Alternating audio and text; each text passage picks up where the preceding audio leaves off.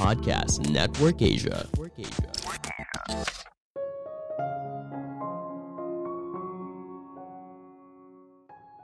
Bosan tidak selamanya buruk. Bosan bisa membawa kita pada ide brilian. Halo semuanya, nama saya Michael. Selamat datang di podcast saya, Sikutu Buku. Kali ini saya akan membahas kalau menjadi bosan bisa mengarahkan kamu kepada ide brilian. Ini merupakan rangkuman dari video TED Talk Mano Zamorodi yang berjudul How Boredom Can Lead to Your Most Brilliant Ideas dan diolah dari berbagai sumber. Sebelum kita mulai, buat kalian yang mau support podcast ini agar terus berkarya, caranya gampang banget. Kalian cukup klik follow. Dukungan kalian membantu banget supaya kita bisa rutin posting dan bersama-sama belajar di podcast ini.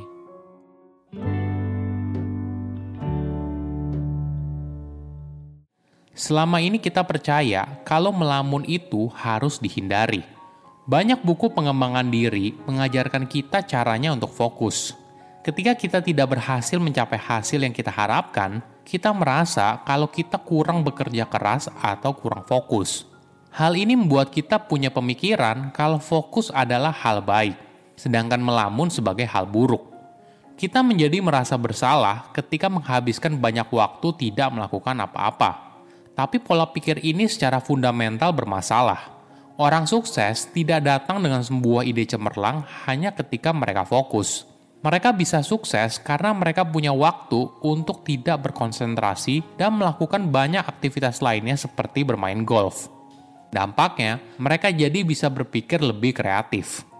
Mereka mengembangkan keahlian untuk berpikir inovatif dari sebuah masalah dengan menghubungkan satu titik dengan titik lainnya. Sebagai contoh, Dwight Eisenhower merupakan presiden yang paling sering bermain golf dalam sejarah presiden Amerika Serikat. Namun di sisi lain, dia juga dianggap sebagai salah satu presiden terhebat. Manos bercerita pengalamannya sendiri. Sebelum menjadi seorang ibu, dia merupakan seorang jurnalis yang meliput perang, kecelakaan, dan sebagainya. Namun ketika bayinya lahir, Manos fokus mengurus buah hatinya. Perubahan hidup ini membuatnya bosan, hingga suatu hari ketika dia mendorong stroller, pikirannya mulai mengembara. Manos mulai berkhayal apa yang akan dia lakukan setelah ini. Tentu saja tidak mungkin dong dirinya menjadi jurnalis lapangan dengan tugas yang berat, di sisi lain juga fokus mengurus bayinya. Di momen itu, dia punya ide yang kemudian menjadi karir impiannya, yaitu menjadi host dalam sebuah acara radio publik. Ini merupakan tanggung jawab yang besar. Bagaimana memastikan acaranya bisa sukses dan didengar banyak orang? Manos mulai mencari inspirasi, tapi dia tidak bisa menghasilkan apa pun. Hal ini membuat dirinya berpikir, kapan terakhir kali dia punya ide yang cemerlang? Momen itu adalah saat dia mendorong stroller di taman sambil pikirannya pergi mengembara. Manos juga baru sadar selama ini hidupnya telah dipenuhi dengan waktu bermain handphone. Ketika menunggu kopinya dibuat, dia sibuk mengecek berita terhangat di hari itu, membalas pesan dengan cepat, dan sebagainya. Ponsel membuat dirinya tidak pernah bosan. Hal ini lalu membuat dirinya bertanya, apa yang terjadi ketika kita tidak pernah bosan?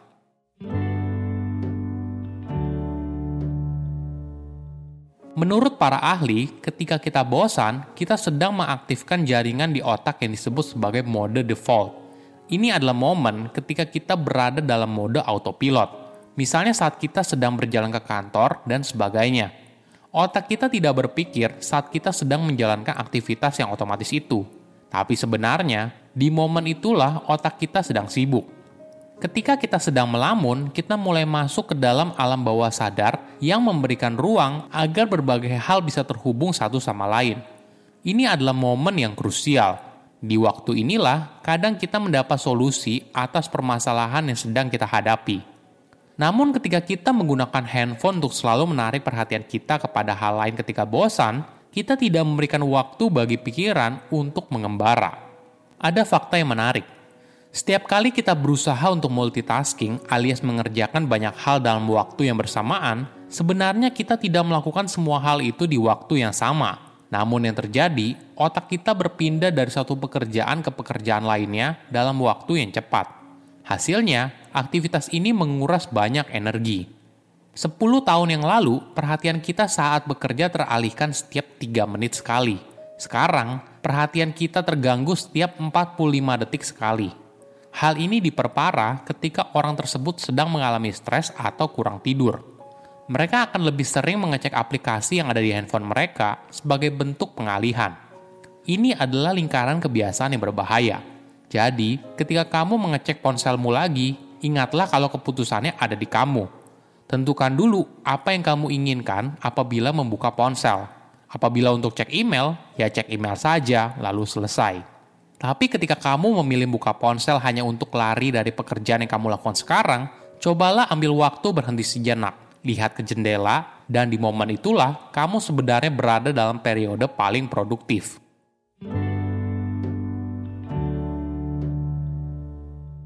Ada tiga tips yang bisa kamu coba untuk berhenti fokus dan mengembangkan kreativitas. Pertama, diversifikasi fokusmu. Para ahli memberikan saran agar kamu membagi fokus ke berbagai aktivitas daripada hanya fokus di satu tugas terus-menerus. Untuk mendapatkan perspektif yang baru, kita perlu melepaskan diri dari pekerjaan tersebut. Kita bisa membagi fokus melalui dua cara pekerjaan yang tidak perlu berpikir disebut sebagai mindless task atau merasakan berbagai pengalaman yang berbeda. Coba bagi waktu dengan memasukkan periode 15 menit aktivitas yang tidak butuh fokus secara mendalam. Misalnya mandi, berjalan cepat tanpa melihat ponsel, peregangan, dan sebagainya. Periode ini akan memberikan waktu bagi otakmu untuk kembali segar dan bisa lebih kreatif dalam menghubungkan berbagai ide. Kondisi ini tidak akan terwujud apabila kamu terlalu fokus di satu masalah terus-menerus. Alternatif kedua yaitu merasakan pengalaman yang baru. Sebagai contoh, mahasiswa yang menghabiskan satu semester belajar di luar negeri, ternyata kreativitas mereka meningkat. Kenapa begitu? Pengalaman baru mendisrupsi cara hidup kita seperti biasa dan menunjukkan kita perspektif lain, sehingga kita menjadi lebih fleksibel dan kreatif. Kedua, luangkan waktu dalam keheningan.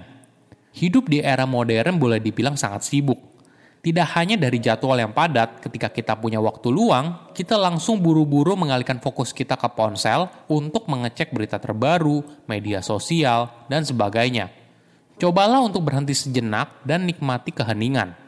Daripada sibuk melakukan sesuatu, cobalah untuk tidak melakukan apa pun – Riset membuktikan ketika seorang berada dalam keheningan, hal ini membantu orang tersebut untuk mengakses kreativitas di dalam dirinya.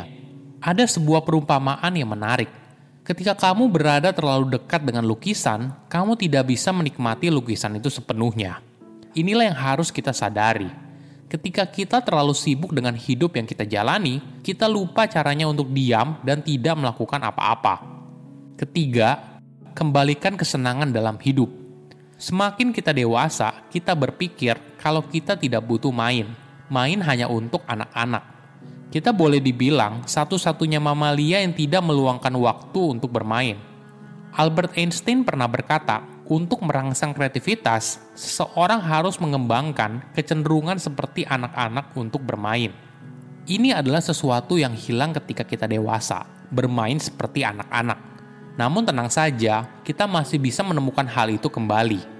Dalam sebuah studi, 35 responden dibagi menjadi dua kelompok sebelum melakukan tugas kreativitas.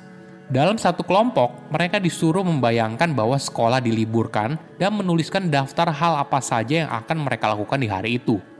Di kelompok lain, peserta diberikan instruksi yang sama, tetapi diminta untuk membayangkan kalau mereka berusia 7 tahun. Kelompok yang terakhir menjawab dengan contoh yang jauh lebih kreatif.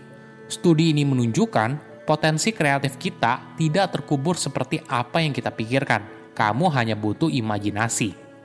Jangan merasa bersalah ketika tidak melakukan apa-apa. Mungkin saja ide brilian bisa muncul ketika kamu berada di momen tersebut. Saya undur diri, jangan lupa follow podcast Sikutu Buku. Bye-bye. Pandangan dan opini yang disampaikan oleh kreator podcast, host, dan tamu tidak mencerminkan kebijakan resmi dan bagian dari podcast Network Asia. Setiap konten yang disampaikan mereka di dalam podcast adalah opini mereka sendiri dan tidak bermaksud untuk merugikan agama, grup etnik, perkumpulan, organisasi, perusahaan, perorangan, atau siapa pun dan apa pun.